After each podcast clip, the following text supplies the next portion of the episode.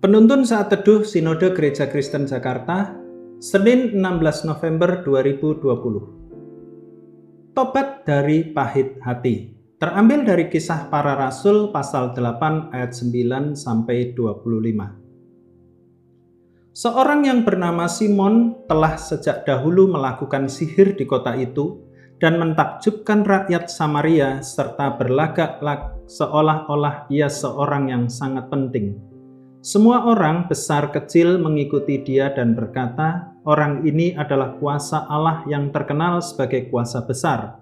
Dan mereka mengikutinya karena sudah lama ia mentakjubkan mereka oleh perbuatan sihirnya. Tetapi sekarang mereka percaya kepada Filipus yang memberitakan Injil tentang kerajaan Allah dan tentang nama Yesus Kristus, dan mereka memberi diri mereka dibaptis, baik laki-laki maupun perempuan. Simon sendiri juga menjadi percaya dan sesudah dibaptis, ia senantiasa bersama-sama dengan Filipus dan takjub ketika ia melihat tanda-tanda dan mujizat-mujizat besar yang terjadi. Ketika rasul-rasul di Yerusalem mendengar bahwa tanah Samaria telah menerima firman Allah, mereka mengutus Petrus dan Yohanes ke situ. Setibanya di situ, kedua rasul itu berdoa supaya orang-orang Samaria itu beroleh Roh Kudus. Sebab Roh Kudus belum turun di atas seorang pun di antara mereka, karena mereka hanya dibaptis dalam nama Tuhan Yesus. Kemudian keduanya menumpangkan tangan di atas mereka, lalu mereka menerima Roh Kudus. Ketika Simon melihat bahwa pemberian Roh Kudus terjadi oleh karena rasul-rasul itu menumpangkan tangannya, ia menawarkan uang kepada mereka serta berkata, "Berikanlah juga kepadaku kuasa itu, supaya jika aku menumpangkan tanganku di atas seseorang, ia boleh menerima Roh Kudus." Tetapi Petrus berkata kepadanya, "Binasalah kiranya uangmu itu bersama dengan engkau, karena engkau menyangka bahwa engkau dapat membeli karunia Allah dengan uang. Tidak ada bagian atau hakmu dalam perkara ini, sebab hatimu tidak lurus di hadapan Allah. Jadi bertobatlah dari kejahatanmu ini dan berdoalah kepada Tuhan supaya ia mengampuni niat hatimu ini.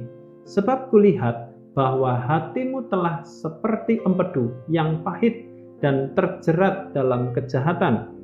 Jawab Simon, hendaklah kamu berdoa untuk aku kepada Tuhan supaya kepadaku jangan kiranya terjadi segala apa yang telah kamu katakan itu.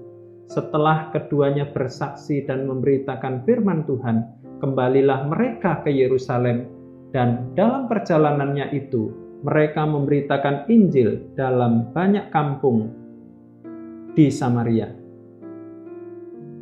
Banyak orang menghalalkan segala cara untuk mencapai tujuannya. Penyebabnya adalah racun pahit dalam hati.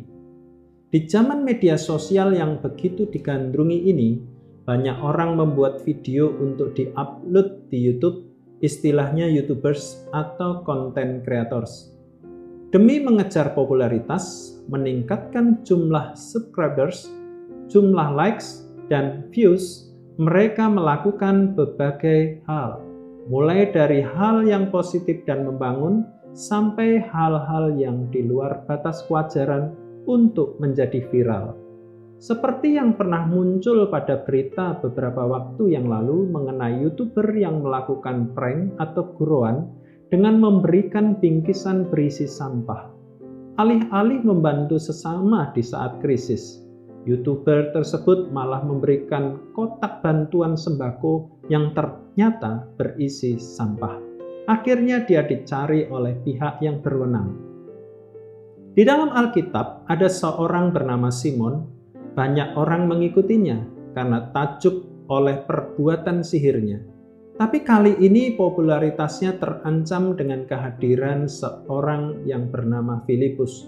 Filipus sedang memberitakan Injil tentang kerajaan Allah dan Yesus Kristus. Dalam kisah para rasul 8 ayat 18 tercatat, Ketika Simon melihat bahwa pemberian Roh Kudus terjadi oleh karena rasul-rasul itu menumpangkan tangannya, ia menawarkan uang kepada mereka untuk mendapatkan kuasa. Petrus dengan jelas menolak. Ia menunjuk kepada sumber masalahnya. Petrus berkata, "Sebab kulihat bahwa hatimu telah seperti empedu yang pahit dan terjerat dalam kejahatan." Ia meminta agar Simon bertobat. Ternyata keinginan untuk populer membuat Simon menjadi pahit dan melakukan segala cara untuk mendapatkan kekuasaan.